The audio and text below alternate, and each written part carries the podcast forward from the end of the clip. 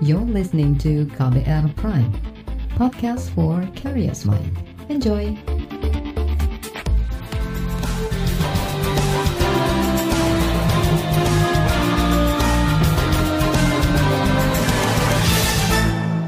Halo, selamat sore saudara. Apa kabar Anda sore hari ini? Kembali saya Reski Mesanto hadir di KBR Sore. Hari ini tanggal 25 Agustus 2022. Dan seperti biasa selama kurang lebih 30 menit ke depan, saya siap untuk menjadi teman Anda. Sore ini saya mau ajak Anda untuk membahas harga telur ayam yang terus naik sejak pekan lalu. Harga telur ayam yang semula Rp24.000 per kilogram kini melambung hingga Rp40.000 per kilogram.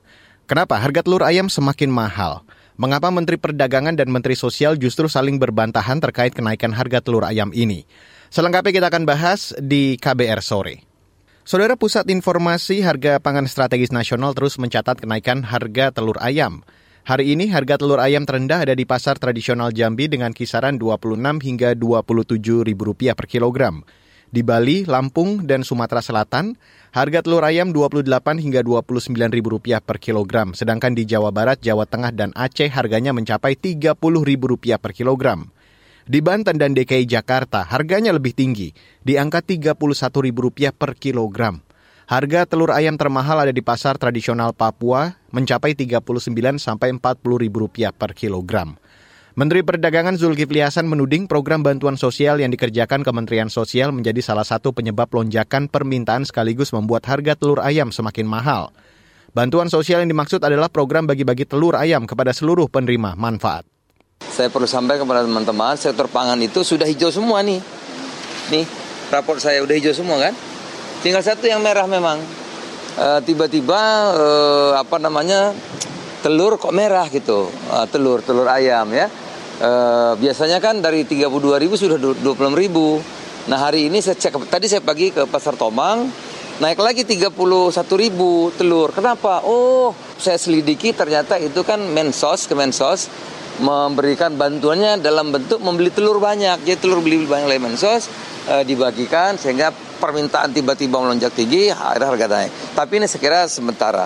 Lainnya sudah stabil semua bawang merah, kemudian minyak goreng, beras stabil, gula semua sudah ya. Cabai, daging sudah stabil semuanya. Menteri Perdagangan Zulkifli Hasan yakin jika peternak tidak melakukan apkir dini atau memotong dan menjual daging ayam-ayam petelurnya serta program bansos bagi-bagi telur ayam selesai, maka dalam tempo tiga pekan harga telur ayam akan kembali normal. Menteri Sosial Tri Risma ini membantah tudingan Menteri Perdagangan Zulkifli Hasan. Risma menegaskan program bansos atau bantuan pangan non-tunai senilai Rp200.000 per bulan per keluarga diberikan dalam bentuk uang tunai bukan berupa telur ayam. Tapi Risma juga mengatakan para penerima bansos bisa saja membelanjakan bantuan pangan non-tunai tadi untuk membeli bahan pangan pokok termasuk telur ayam. Yang jelas saya nggak bantu telur karena nggak mungkin gimana cara baginya. Orang jutaan jumlahnya yang kita bagi pecah sampai sana. Tahun lalu Menteri Sosial Tri Risma hari ini juga pernah membantah hal yang sama. Risma menyebut anggaran bantuan sosial hanya untuk beras dan tidak termasuk telur ayam. Mensos menjelaskan bantuan pangan non-tunai pengelolaannya diserahkan sepenuhnya oleh warung elektronik gotong royong atau e-warong. Lagi pula, aturannya dibuat bukan oleh Kementerian Sosial, melainkan oleh Kementerian Koordinator Bidang Pembangunan Manusia dan Kebudayaan. Apa namanya, itu kan tergantung e-warungnya. Kalau bantuan sosial kami hanya beras, karena kalau saya membantu telur juga itu terlalu berat untuk apa namanya kan membaginya dan bagaimana itu kalau pecah sampai di warga nanti kami dimaki-maki lagi gitu. Jadi dan kami anggarannya memang berat gitu. Karena kemarin itu. Jadi kalau itu tergantung e warungnya gitu. Hmm. Ya. Jadi itu tidak akan ada penyerapan telur ya di bantuan sosial Ya kan e, bantuan sosial non tunai kan di warung. Di warung. E, bukan kewenangan saya untuk menangani karena itu permintaannya dari penerima manfaat dan sudah jelas itu membuat pembuat aturannya itu bukan di Kementerian Sosial, pembuatnya adalah dari Kementerian PMK PMK. Itu disampaikan tidak boleh ada pemaketan karena memang itu sesuai kebutuhan dari penerima manfaat. Saudara itu tadi Menteri Sosial Tri Risma hari ini. Kenaikan harga telur ayam juga diakibatkan naiknya harga pakan ayam. Saat ini harga pakan ternak melesat antara 11 hingga 13 ribu rupiah per kilogram. Harga ini naik dua kali lipat dibanding enam bulan lalu. Banyak peternak yang memotong ayam petelur dan menjual dagingnya. Dampaknya, produksi telur ayam jadi semakin sedikit.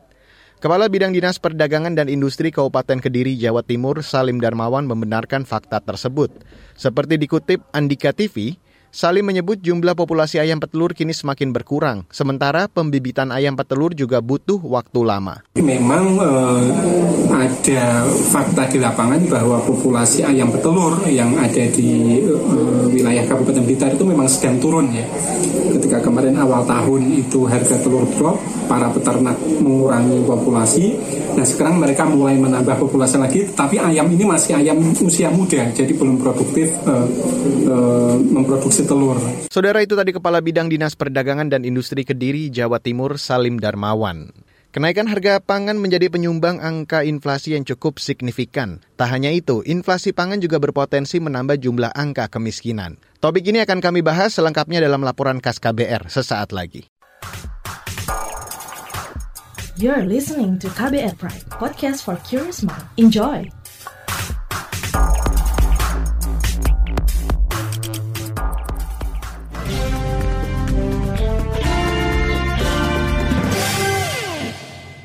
Saudara Badan Pusat Statistik mencatat inflasi pada Juli lalu hampir mencapai 5 persen. Sektor pangan menjadi penyumbang tertinggi terhadap angka inflasi di tanah air. Kondisi ini juga disebut beresiko pada peningkatan angka kemiskinan. Selengkapnya saya ajak Anda untuk langsung mendengarkan laporan khas KBR yang disusun jurnalis Heru Hetami. Inflasi akan tetap dijaga pada kisaran 3,3 persen. Kebijakan APBN akan tetap diarahkan untuk mengantisipasi tekanan inflasi dari eksternal, terutama inflasi energi dan pangan. Asumsi inflasi pada level ini juga menggambarkan keberlanjutan pemulihan sisi permintaan, terutama akibat perbaikan daya beli masyarakat. Target itu disampaikan Presiden Joko Widodo saat menyampaikan keterangan pemerintah mengenai RAPBN 2023 di Kompleks DPR MPR pertengahan Agustus lalu. Jokowi mengatakan anggaran pendapatan dan belanja negara atau APBN 2023 akan diarahkan untuk mengantisipasi tekanan inflasi eksternal atau global. Pada Juli lalu, inflasi tercatat sebesar 4,94 persen. Ini merupakan inflasi tertinggi dalam tujuh tahun terakhir. Kepala Badan Pusat Statistik BPS, Margo Yuwono mengatakan, lonjakan inflasi dipicu gejolak harga pangan. Lonjakan inflasi ini dikhawatirkan bisa meningkatkan jumlah orang miskin di Indonesia. Yang jelas, ya dengan kenaikan harga atau inflasi yang cukup tinggi ini, ya khususnya pada kelompok makanan itu pasti memiliki potensi yang besar kepada angka kemiskinan gitu ya. Karena ya untuk populasi referensi ya yang dihitung sebagai garis kemiskinan itu ya juga sangat tergantung ya harga-harganya untuk makanan. Jadi makanan itu kurang lebih 74 persen. Ya kalau harga pangannya tinggi maka itu akan berpengaruh kepada garis kemiskinan. Kalau pengeluaran pendapatannya tidak naik itu bisa menyebabkan kemiskinan semakin bertambah. Jadi pengaruhnya cukup tinggi kepada kemiskinan. Data BPS menunjukkan inflasi komponen makanan bergejolak atau volatile food menjadi penyumbang terbesar inflasi secara nasional. Komponen volatile food atau komoditas yang mengalami kenaikan harga paling tinggi di Juli 2022 di antaranya cabai merah, bawang merah, dan cabai rawit. Menurut Bank Indonesia, kenaikan harga pangan menjadi penyumbang terbesar inflasi, sebesar 10,47 persen. Gubernur Bank Indonesia Peri Warjio menargetkan inflasi pangan dapat ditekan menjadi 5 persen melalui operasi pasar di sejumlah daerah. Inflasi kita adalah sudah di atas hampir 5 persen, 4,9, 4,89. Masih lebih rendah dari negara lain, tapi kita harus lihat inflasi ini. Yang paling tinggi inflasi ini kalau kita pecah adalah inflasi pangan. 10,47 persen. Mestinya inflasi pangan itu tidak boleh lebih dari 5 persen atau paling tinggi 6 persen. Ingat, inflasi pangan. Inflasi pangan itu adalah masalah perut, masalah rakyat. Dan itu langsung ke sejahtera. Ini bukan masalah ekonomi saja, masalah sosial dan masalah juga bagaimana nanti Oktober dan seterusnya. Itu jangan sampai ada masalah politik. Gubernur Bank Indonesia Peri Warjio mengatakan kenaikan harga sektor pangan memukul masyarakat miskin hingga 60 persen dari komposisi sisi pengeluaran. Namun, ekonom menilai pemerintah bakal kesulitan menekan angka inflasi pangan yang saat ini berada di lebih 10 persen hingga setengahnya. Peneliti ekonomi dari Indef, Eka Puspitawati mengatakan ada sejumlah kebijakan yang justru meningkatkan inflasi. Misalnya, kenaikan suku bunga acuan menjadi 3,75 persen hingga rencana pemerintah menaikkan harga BBM bersubsidi. Yang jelas kalau terjadi peningkatan harga BBM pasti dipastikan di sini akan terjadi koreksi atau mendorong untuk peningkatan harga. Ini sudah dipastikan karena tidak hanya berdampak langsung terhadap biaya transportasi gitu ya untuk barang-barang pangan ya karena ini juga kan berarti mengakibatkan uh, tadi uh, distribusi juga biaya distribusi juga akan meningkat karena adanya peningkatan transportasi sehingga ini akan mendorong peningkatan harga pangan. Belum lagi ditambah kebijakan yang terakhir dari BI juga yang peningkatan suku bunga ya, suku bunga acuan. Nah, ini juga akan mendorong ya terjadi peningkatan harga karena korelasi antara suku bunga dengan harga itu sama. Jadi begitu suku bunga meningkat, maka di situ pasti akan ada peningkatan harga barang juga. Untuk menekan inflasi pangan, Eka mendorong pemerintah memastikan ketersediaan stok, stabilitas harga, hingga pengawasan ketat di pasar-pasar. Mau tidak mau harus ada peran pemerintah yang menjamin ketersediaan pangan. Salah satunya memang pemerintah ini diharapkan untuk menjamin kepastian stok pangan itu ya. Beberapa komoditas yang tidak ada maka diadakan operasi pasar itu salah satunya ya. Tapi juga tidak hanya operasi pasar saja menurut saya karena beberapa tempat mungkin kekurangan stok itu juga ada kecenderungan juga mungkin beberapa bahan pangan yang ditahan gitu ya, yang ditahan tidak dikeluarkan supaya harga pangan lebih meningkat. Laporan ini disusun Heru Haitami. Saya Aika Renata. Saudara, kalangan DPR mendesak pemerintah lebih aktif lagi menemukan cara menurunkan harga telur ayam. Anggota Dewan prihatin mahalnya harga telur kian menambah derita masyarakat, terutama pengelola UMKM sektor makanan. Informasi selengkapnya akan kami sampaikan sesaat lagi. You're listening to KBR Pride, podcast for curious mind. Enjoy!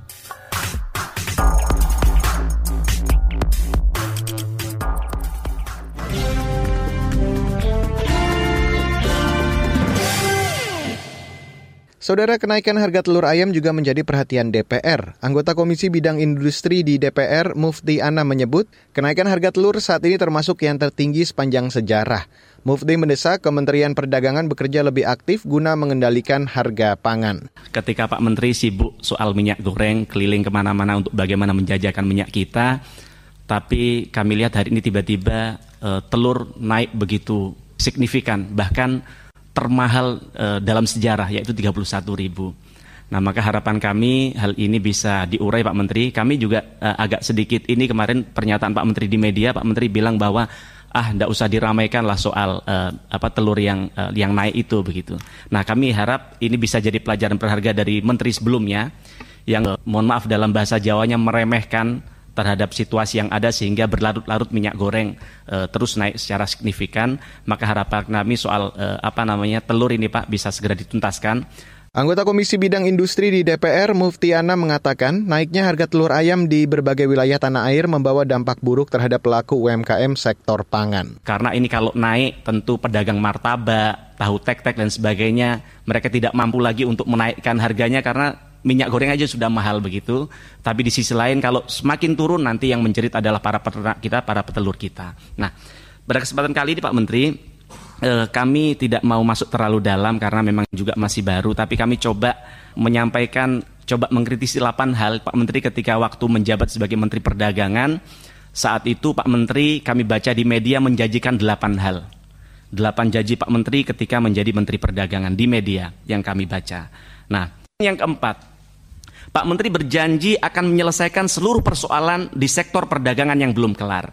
Nah, Pak Menteri memang bukan di era jenengan, tapi ini tentu harus terus diperjuangkan bagaimana persoalan-persoalan yang ada di Kementerian Perdagangan ini bisa terus diurai. Itu tadi anggota Komisi Bidang Industri di DPR, Mufti Anam.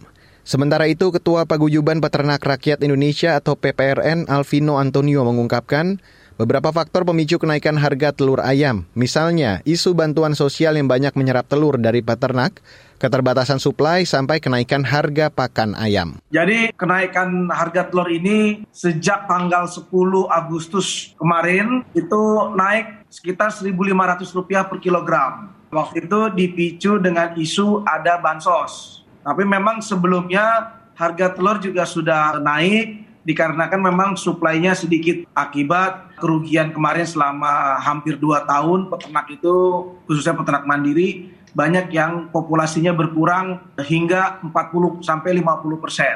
Di samping suplainya berkurang, dipicu dengan naiknya harga pakan. Ditambah lagi dengan adanya bansos, nah sejak tanggal 10 Agustus itu naik ya sampai sekarang Saudara itu tadi Ketua Paguyuban Peternak Rakyat Indonesia atau PPRN Alvino Antonio. Di lain pihak, Presiden Forum Think Tank Peternak Layer Nasional, Musbar Mesdi menilai, harga telur akan kembali normal jika pemerintah cepat-cepat mengeluarkan kebijakan pengendalian harga telur. Dikutip dari CNBC Indonesia, saat ini menurut Musbar, Badan Pangan Nasional sudah menyusun bilai tersebut, hanya saja belum disahkan. Peternak-peternak kami melakukan afkir dini untuk ayam-ayam produksinya sekitar 30 sampai 40 persen. Ini yang berpengaruh terhadap harga jual dari periode April 2022 sampai minggu pertama Agustus itu masih berada di level 22 sampai 24 ribu per kilo di tingkat peternak, sedangkan di tingkat masyarakat konsumen ada di level 27 dan 28.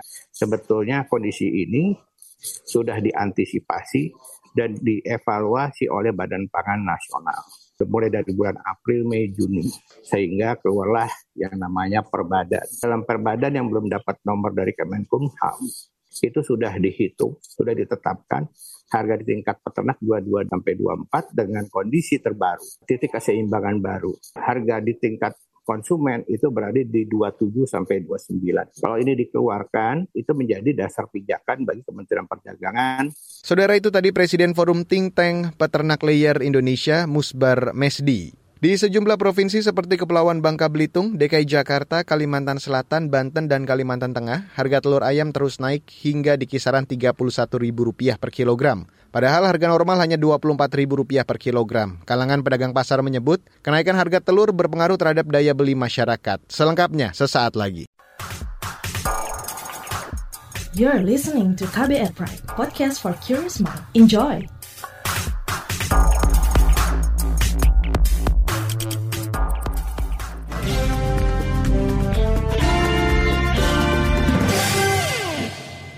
Saudara kalangan pedagang pasar mendesak pemerintah mencari solusi atas meroketnya harga telur ayam. Naiknya harga telur ayam hingga di atas Rp30.000 per kilogram dinilai sudah menjadi harga tertinggi sepanjang sejarah. Selengkapnya, saya ajak Anda untuk langsung mendengarkan perbincangan jurnalis KBR Mutia Kusuma Wardani bersama Ketua Asosiasi Pedagang Pasar Seluruh Indonesia atau APSI sekaligus Sekretaris Umum Induk Koperasi Pasar atau Inkopas Ngadiran. Dari pantauan Bapak sendiri, apakah harga telur meningkat di sejumlah wilayah, Pak? Sangat betul. Tidak ada yang tidak naik, karena sekarang ini dan naik selama kami berdagang ya baru ini. Belum pernah telur itu harganya sampai lebih 30. Saat ini 30 bahkan lebih. Hmm. Kalau kenaikannya rata-rata berapa Pak? Telur ayam itu standarnya kan 21, 22 sampai dengan 23. Itu standar dapat dikatakan normal lah. Per kilo itu ya Pak? Tapi ya mestinya segitu. Hmm. Kemudian beberapa waktu yang lalu kan sampai 24, 25. Hmm. Bahkan sampai dengan 27, tapi turun lagi gitu. Nah sekarang ini justru lebih dari 30. Jadi ini harga yang uh, sangat mahal dan tidak wajar. Apakah kenaikannya itu rata Pak di seluruh tanah air atau ada pusat-pusat tertentu hampir? Hampir saya monitor baik di Sumatera, baik di Pulau Jawa, bahkan ya di Sulawesi juga saya monitor harganya naiknya hampir rata-rata demikian. Hmm. Mungkin kalau untuk Indonesia bagian timur bisa saja lebih dari itu apa sih Pak penyebab melambungnya harga telur itu? Ya, ini kan alasan itu bisa benar bisa salah. Ya. Saya seba, karena saya kan tidak peternak. Ya. Jadi dugaan ini karena pakan ternak itu yang menjadi momok. Pakan ternak itu yang jadi permainan. Itu kenapa tidak mampu diatasi oleh pejabat tinggi negara. Harga naik pedagang lagi yang salah katanya. Padahal pedagang itu ngambil keuntungan sangat kecil. Kalau dari konsumen sendiri, Pak, apakah sudah ada penurunan daya beli atau sudah ada protes begitu, Pak, kepada pedagang? Oh, daya beli itu sekarang itu kan sangat turun. Uh, katakanlah uh, bahkan beberapa kan banyak PHK, kemudian dagang sepi, ya yeah. otomatis kan daya beli turun. Nah dengan daya beli turun ini apa sebabnya? Para pakar ekonomi juga sudah yang yang sifatnya netral kan menyatakan demikian. Tetapi mungkin ada yang mengatakan bahkan uh, ini lebih baik dari dunia lain, dari negara lain. Ya, saya nggak tahu kalau itu mah. Tapi yang jelas saya sebagai pedagang merasa bahwa ini daya beli sangat turun. Ya. Sejak pandemi sampai pasca pandemi sekarang boleh dikatakan kita berharap eh, ekonomi itu sudah mulai membaik, tapi daya beli sangat lemah. Pak, kalau permintaan telurnya sendiri memang ada peningkatan atau bagaimana, Pak? Tidak ada, hmm. tidak ada. Ada alasan pejabat mengatakan beralasan karena adanya uh, pemerintah menyediakan apa itu bahan baku untuk masyarakat atau katakanlah dalam bentuk barang untuk bantuan sosial. Justru kalau ada bantuan sosial bagus dong daya beli kan orang beli bukan karena telur, orang beli bukan karena beras. Kan bisa kebutuhan-kebutuhan lain itu bisa baik dong. Tapi sekarang ini kan ya itu kalau yang saya dengar kan alasannya ada pejabat yang menyatakan ini karena tersedot untuk bantuan sosial sehingga harganya menang, menaik begini ya itu nggak masuk akal itu. Hmm. Kalau pendapat Gimana? Anda terkait uh, permintaan Mendak agar kenaikan ini tidak diributkan. Ini bagaimana sikap Anda? ya itu Mendaknya itu ya juga kalau nggak boleh meributkan ya suruh Mendak itu ngatasi. Mendak kok ngomong begitu, harga naik nggak boleh diributkan. Iya. Ya kalau harga naik nggak boleh diributkan, ya berarti Mendak bisa ngatasi dong. Atau Mendak itu yang memberikan subsidi kepada masyarakat supaya masyarakat bisa membeli. Belum lagi kalau memang benar ini BBM akan dinaikkan. Otomatis kalau BBM naik kan semua kebutuhan akan bergerak. Saudara itu tadi Ketua Asosiasi Pedagang Pasar Seluruh Indonesia atau APSI sekaligus Sekretaris Umum Induk Koperasi Pasar atau Inkopas Ngadiran.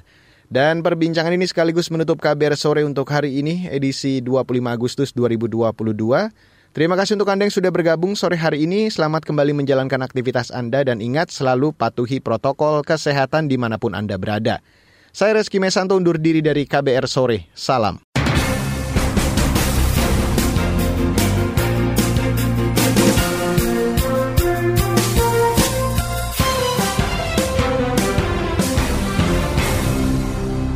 KBR Prime, cara asik mendengar berita. KBR Prime, podcast for curious mind.